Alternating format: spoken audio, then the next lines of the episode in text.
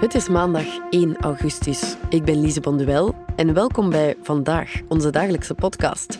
Net als vorige week brengen we ook deze week een iets wat andere vandaag. We brengen u het beste van het afgelopen jaar uit ons weekblad. En dit keer hebben we het over kinderopvang. De voorbije weken werden crèches gesloten die niet deugden. Maar de vraag of crèches sowieso geen zwaktebod zijn, daar gaat het minder vaak over. Hoort een baby wel in de kinderopvang? Een reportage van Eva Bergmans, gebracht door collega Niels de Keuklare.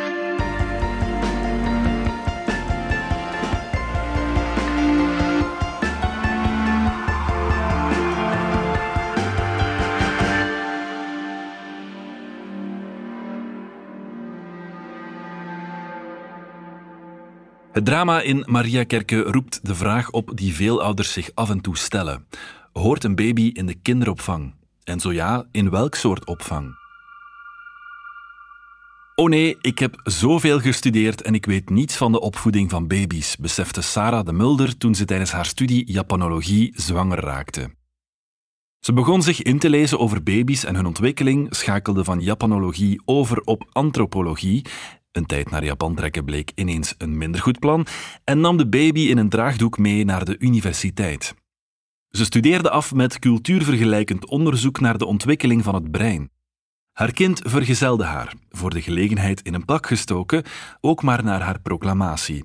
Hij was een jaar oud. Tegen die tijd was ze ervan overtuigd dat de opvang niet de plek was waar ze haar kind zou achterlaten. Niet uit wantrouwen tegen de opvangmogelijkheden in haar buurt, maar uit wantrouwen tegen het hele principe van betaalde kinderopvang voor derden. Het klassieke Vlaamse patroon, waarbij een kind vanaf drie maanden in een crèche zit, past niet bij de noden van het kind, zegt de Mulder, lid van de denktank Liberals en voor de partij Groen lid van de Sociale Raad in Gaveren. Ze zegt: zes maanden borstvoeding is een minimum en een jong kind heeft veel emotionele zorg nodig. Als een jong kind weent, pak je het op. Getroost worden, zich veilig voelen, is nodig voor de optimale ontwikkeling van de hersenen. Net als één op één interactie dat is voor de talige ontwikkeling. Al dat gebabbel tegen baby's, al dat ik hef nu je beentje op en nu je armpje en kijk, je lacht, het heeft een functie. Een van de studies die haar fundamentele vragen deden stellen bij het zorgsysteem was het werk van de Nederlandse orthopedagoge Esther Albers. Zij stelde vast dat het cortisolniveau bij jonge kinderen in de opvang gemiddeld veel hoger was dan in de thuissituatie. Cortisol is een stresshormoon en de aanwezigheid ervan is op zich niet erg. Zonder stressreacties overleeft een mens niet. Alleen moet ons systeem het cortisolpeil ook weer kunnen doen dalen als het gevaar geweken is of als er geen echt gevaar blijkt te zijn. Aanhoudend hoge cortisolniveaus zijn schadelijk en brengen mensen uit evenwicht. Kijk maar naar de epidemie van hartkwalen en burn-outs. Hersenen die continu onder stress staan, functioneren niet optimaal. Energie die opgaat aan stress kunnen baby's niet in hersenontwikkeling steken. In de kinderopvang zoals hij nu georganiseerd is, wordt niet genoeg rekening gehouden met de noden van het kind, zegt ook kinderpsychiater Binu Singh, die benadrukt dat ze niet tegen kinderopvang aan zich is. Ze zegt: baby's maken een ontzettend snelle hersenontwikkeling door. Die ontwikkeling legt de basis voor later. En belangrijk daarbij is dat toxische stress wordt vermeden. Daarom heeft Moeder Natuur ons zo geprogrammeerd dat ze hun baby vooral schattig vinden en er heel veel voor over hebben, terwijl ze toch ook veel werk zijn. Om te leren moet het brein van een baby uit de alarmfase blijven. En daarvoor is die 100% afhankelijk van een volwassene. Een baby heeft nood aan de nabijheid van een zorgverlener die afgestemd is op zijn noden. Als hij zich alleen voelt, denkt hij: help, ik ga het niet redden. Een baby van drie maanden die voor het eerst in de crèche komt, heeft ongeveer evenveel stress als een volwassene zou hebben als hij vanuit zijn comfortabele Belgische living plots naar de straten van Kabul wordt gecatapulteerd, als daar net een auto ontploft is. Zegt Guy Bosmans, klinisch psycholoog aan de KU Leuven en gespecialiseerd in hechting.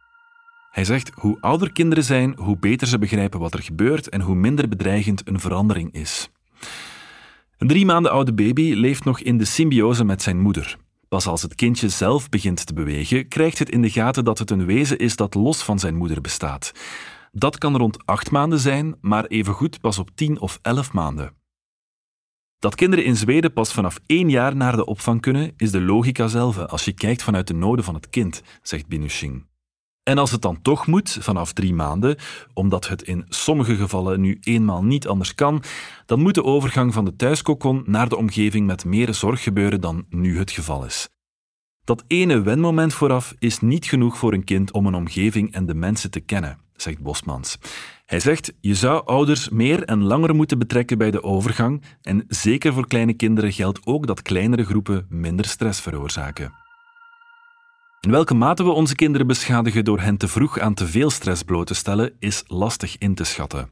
De ontwikkeling van een mens is een complex kluwe van genetica en omgeving. Bovendien is de ene mens vatbaarder voor omgevingsfactoren dan andere. Vergelijk het met een paardenbloem en een orchidee, zegt Bosmans. De ene bloem groeit in alle omstandigheden, de andere alleen bij een delicate zorg die helemaal op haar is afgestemd. Moeilijk te onderzoeken of niet, dat die vroege ontwikkeling een cruciale impact heeft, staat buiten kijf. En dat zowel fysiek als emotioneel als sociaal. Bosman zegt, uit langlopend onderzoek blijkt dat kinderen die naar een crèche gingen later gemiddeld iets onrustiger zijn en zich moeilijker voor lange tijd kunnen concentreren. Het zijn kleine verschillen, maar op groepsniveau kan dit impact hebben. Als leerkrachten voor klassen staan waar grote groepen kinderen zich minder goed kunnen beheersen, dan neemt dat tijd in beslag die leerkrachten niet meer aan het zuivere lesgeven kunnen besteden.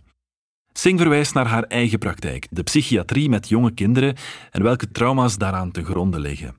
Ze zegt: Als een baby te vaak in survival-modus gaat, krijg je hardware die afgesteld is op angst. Wie op angstreflexen leeft, is veel minder stabiel, veerkrachtig, flexibel en creatief. Om met vertrouwen en zelfvertrouwen in het leven te staan, is het heel belangrijk dat er aan je noden als baby tegemoet gekomen is. Dan kun je goed voor jezelf en anderen zorgen. Goede zelfregulatie is de basis van alles. Door haar job, geeft Singh aan, ziet ze natuurlijk vooral kinderen bij wie het stevig misliep, wat maar een fractie van het aantal kinderen is en maar een fractie van het aantal kinderen in de kinderopvang. Maar er is ongetwijfeld ook subtielere schade die op latere leeftijd doorwerkt, zegt ze. Guy Bosman zegt: Er zullen kinderen genoeg zijn die ongeschonden door hun crashetijd komen, maar in het algemeen is er in elk geval iets spookies aan de hand met onze kinderen. In de laatste tien jaar zijn de geestelijke gezondheidsproblemen bij kinderen en jongeren geëxplodeerd. Eén voorbeeld: 20% heeft zichzelf al eens verwond. Dat is hoogst verontrustend. Er is een toename in gedragsproblemen, zelfdoding. Hoe komt dat? Er is veel veranderd in de afgelopen twintig jaar op het vlak van vervuiling, voeding, maar er is ook meer stress, er zijn meer tweeverdieners en er worden meer kinderen uitbesteed. Eén ding is zeker, wie in de puberteit problemen ontwikkelt, heeft die heel vaak als volwassene ook nog. Hoe vroeger je problemen kan ondervangen, hoe beter. Voorkomen is beter dan genezen. Dat geldt zeker voor de jongste kinderen, maar ook de puberteit en jongvolwassenheid zijn cruciale fases waarover we grondig moeten gaan nadenken. We gaan er even uit voor wat reclame. Wil jij je passie omzetten in Lego-stenen? En wil je iets verwezenlijken? Met je eigen handen. Het plan uitvoeren, blad na blad, stap voor stap. Super gefocust. Je bent in het moment. En je ziet het voor je ogen groeien. Lego bouwplezier. Dat is toch het schoonste wat er is? Wil jij ook je passie omzetten in Lego-plezier? Zoek dan snel op Lego sets voor volwassenen. En nu is het weer tijd voor het verhaal. Het zou onfair zijn om de toename van mentale problemen bij kinderen, tieners en adolescenten op rekening van de kinderopvang te schrijven. Maar de cruciale vraag die zich opdringt is of het systeem, zoals Vlaanderen het kent, wel recht doet aan de kennis van vandaag over de ontwikkeling van het jonge kind. Singh zegt: In Vlaanderen wordt wel gesproken over de cruciale eerste duizend dagen, zoals het internationaal overal bijvindt. Maar wat het juist betekent, ontgaat vele beleidsmakers. Ons systeem is afgestemd op de noden van volwassenen, niet op de noden van kinderen. Dat is niet onlogisch als je bedenkt waarvoor kinderopvang bedacht is. In de aanpak van de kinderopvang schemeren nog altijd de normen van de jaren 1980 door, waarin het hele systeem tot volle wasdom kwam. Het doel van de kinderopvang was vrouwen toelaten om buitenshuis te werken. De tweeverdieners werden in die tijd de nieuwe norm. Niet alleen de ontstaansreden voor kinderopvang in het Westen is ingegeven door economische eisen, ook de uitbouw is dat altijd geweest. Er zijn weliswaar subsidies voor crèches, maar het is geen echte openbare dienst zoals onderwijs dat wel is. Kinderopvang is een verdienmodel. Subsidies worden gegeven op basis van prestaties, dat is het aantal aanwezige kinderen per dag, waardoor er de facto in de meeste crèches een aanwezigheidsplicht is. Inschrijvingen gaan tot 120% van de capaciteit, omdat je anders op dagen met 80% bezetting zou eindigen. Er zitten een paar absurde kanten aan het systeem, zegt Michel van den Broek, pedagoog aan de UGent. Twee verdieners krijgen voorrang en wie een flexibele regeling nodig heeft, bijvoorbeeld vanwege een VDAB-opleiding of een precaire job met een oproepcontract, staat in de kou. Rendabiliteit, efficiëntie, hoe rijm je die eisen met de zorg voor jonge gezinnen? Van den Broek distancieert zich van de visie dat kinderopvang voor baby's per definitie slecht zou zijn. Kinderopvang heeft in grote mate bijgedragen aan de emancipatie van vrouwen op de arbeidsmarkt. En geen zinnig mens wil moeders weer aan de haard zetten tot hun kinderen rijp zijn om naar de lagere school te gaan. Zelfs met de noden van het kind voor ogen is dat een slecht idee. Van den Broek zegt: kinderen hebben baat bij goede kinderopvang. Dat is de laatste twintig jaar uit internationaal onderzoek duidelijk geworden. Op cognitief vlak hebben ze er voordeel bij dat ze op andere manieren worden uitgedaagd dan thuis. En op sociaal vlak valt er heel veel te leren in de opvang. Hoe je ruzie maakt en het bijlegt, hoe je met andere kinderen omgaat, hoe je samenwerkt. Ook op de taalontwikkeling heeft de opvang gemiddeld genomen een goede invloed, zeker voor wie uit een taalarm milieu komt. Blijft de vraag: wat is goede kinderopvang? Van den Broek zegt: de essentie is betekenisvolle interacties tussen de volwassenen en de kinderen. Zo'n interactie is emotioneel ondersteunend, nabij, vriendelijk, veilig. En een kind krijgt in het beste geval ook voldoende nieuwigheden te verwerken. Al bij al doet de Vlaamse kinderopvang het niet slecht. Op emotioneel vlak is het zeker voldoende. Op educatief vlak staan we gemiddeld te zwak om kinderen er echt veel baat bij te laten hebben, al zal dat ook wat afhangen van hoe rijk de input is die het kind thuis krijgt. Van den Broek vat samen: onze opvang schaadt niet, maar baat te weinig. Belangrijke kanttekening: dit onderzoek dateert uit 2017. Of de resultaten vandaag ook nog gelden, kan Van den Broek niet zeggen. Hij zegt: Ik vrees er een beetje voor. Toen waren er nog geen acht of negen kinderen per volwassene. Er zijn de laatste jaren veel plaatsen bijgecreëerd en het scholingsniveau van het personeel is gedaald. Dat er nog geen recenter onderzoek beschikbaar is, is al verontrustend op zich. Nochtans was het onderzoek expliciet bedoeld als nulmeting en zou geregeld om de drie of vier jaar herhaald worden. Dat is zeker de bedoeling, verduidelijkt Bart Kroes, woordvoerder van voormalig minister van Welzijn Wouter Beke van CD&V. Hij zegt, het had in 2021 moeten gebeuren, maar corona kwam ertussen. Het staat nu op de agenda voor 2023. Ter verduidelijking, in Nederland gebeurt een soortgelijk onderzoek elk jaar. Het grootste pijnpunt in onze kinderopvang is de kinderbegeleidersratio, die ons koploper maakt in Europa. In Vlaanderen zijn acht aanwezige kinderen per begeleider toegestaan, of negen per begeleider als er meer dan één begeleider aanwezig is. In de praktijk valt het beter mee, zegt Kroes. Uit cijfers voor 2020, het eerste coronajaar, blijkt dat er gemiddeld 7,4 kinderen per begeleider aanwezig waren. Carolien Vrijers, kinderrechtencommissaris, zegt: beleidsmakers minimaliseren dat soms. Ze zeggen dat het er in de praktijk bijna altijd minder dan acht zijn, maar uit de hele sector blijkt een noodkreet.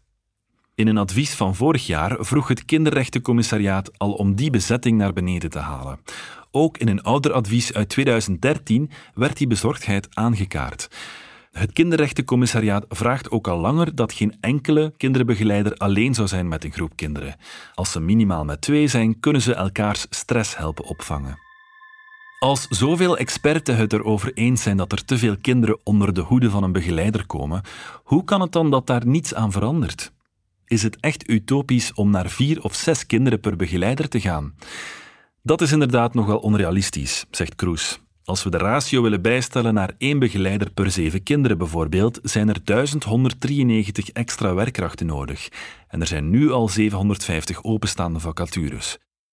Het zou ook nagenoeg 82 miljoen euro extra budget vragen. Kroes wijst er ook op dat het lastig is om bijkomende eisen over opleiding te gaan stellen als er al zoveel mensen te weinig zijn. Het excuus van krapte op de arbeidsmarkt kan op weinig begrip bij de experten rekenen. Met dat soort redenering maak je het nog erger, zegt Van den Broek. En we zitten al enkele jaren in een neerwaartse spiraal. De overheid zegt we moeten de lat naar beneden halen, want er is nu al geen volk. Onlangs is beslist dat je geen pedagogische bachelor meer moet hebben om een kinderdagverblijf te runnen. Met eender welke bachelor mag je eraan beginnen. Zie je iemand zonder pedagogische bachelor al mensen coachen die zelf amper een pedagogische opleiding gehad hebben? Zie je zo iemand de zij-instromers, die binnenkort ook een deel van het probleem moeten oplossen, adequaat begeleiden? De enige oplossing die Van den Broek voor het personeelsprobleem in de sector ziet, is medewerkers perspectief bieden. Ze zegt: bied kinderbegeleiders loon naar werk. Momenteel begint de geschoolde begeleider in de best betalende gesubsidieerde crèches voor 2.316 euro en 8 cent bruto. En biedt hen de kans om dat loon en hun vaardigheden op te krikken met extra opleidingen. Iemand die afstudeert in het zevende jaar kinderverzorging kan dan beginnen in een crèche. En als hij of zij wil, tegelijk een bijkomende opleiding volgen in een gemengd model van leren en werken. Daarnaast hebben we een campagne nodig om jongens naar de zorg te halen, zoals meisjes naar de wetenschapsrichtingen gehaald zijn, zegt ze. Dat meer volk nodig is in de opvang staat voor experten buiten kijf. En dat volk moet niet alleen tussen de kinderen terechtkomen, er moeten ook mensen zijn die de kinderbegeleiders op hun beurt kunnen ondersteunen. Niet alleen praktisch, maar vooral ook emotioneel en mentaal. Als je de hele dag de emoties van kinderen en van hun ouders moet reguleren, sta je onder grote spanning. Je moet daar oog voor hebben. Mensen moeten daarover kunnen praten. Harde reacties zijn geen teken van desinteresse voor de kinderen. Het zijn stressreacties van iemand die het goed wil doen, maar meegezogen is in de emoties. Als je die mensen zorg kunt bieden, als je erkent hoe lastig hun taak is, kunnen we al heel wat burn-outs in de kinderzorg vermijden. Of we dat kunnen betalen, zoveel meer volk in de opvang, dat is niet de juiste vraag, zegt Van den Broek. De vraag is: willen we ons dat permitteren? Of beter nog, kunnen we ons permitteren om dat niet te doen? Vergeleken met de landen die het goed doen, is onze investering nu heel beperkt. Hij haalt er cijfers van de OESO e van vijf jaar geleden bij. België is het kneusje van de klas. We geven aan kinderopvang 0,1% van het bruto binnenlands product uit. In Nederland en Duitsland is dat 0,2%, in Frankrijk 0,6% en in de Scandinavische landen, koploper in welzijn en emancipatie, is dat 0,8 tot 1%. Als we als samenleving het idee willen honoriseren dat de eerste duizend dagen in een mensenleven cruciaal zijn, komen we er niet met alleen een update van de kinderopvang. Bieke Purnelle van ROSA, het kenniscentrum voor gender en feminisme, zegt: Je hebt een mentaliteitswijziging nodig. Niet alleen bij beleidsmakers, maar ook bij werkgevers. Kinderen krijgen en opvoeden is nog al te vaak een soort last, een inconvenience die geregeld moet worden en ten koste van de werkgever gaat. Purnelle zegt dat merk je aan de zwangerschapsdiscriminatie die in België nog altijd bestaat.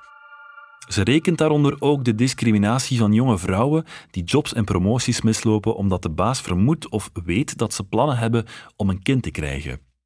Je merkt het ook aan de druk die mensen ervaren om snel weer aan het werk te gaan en aan de terughoudendheid van mannen om ouderschapsverlof op te nemen. Voor heel wat mensen is het geen echte keuze of ze al dan niet langer thuis blijven bij hun kinderen.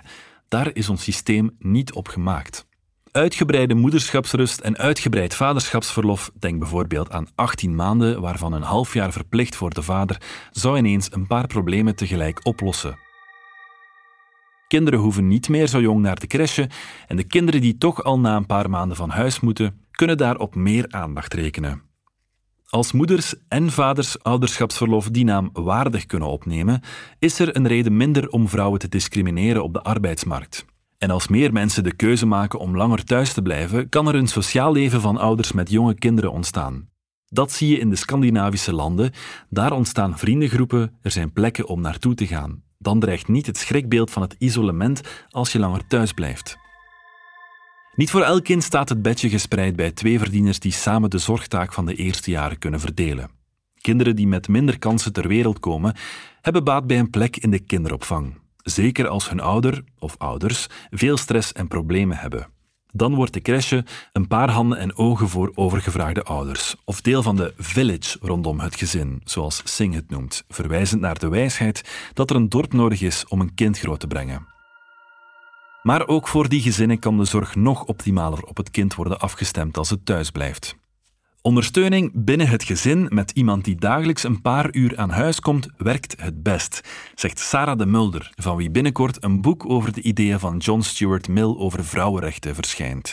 Ze verwijst naar onderzoek van de Amerikaanse econoom James Heckman over ongelijkheid en de impact daarvan op welzijn en ontwikkeling van jonge kinderen. Conclusie: elke kleinste investering die je in het jonge kind doet, betaalt zich op termijn terug.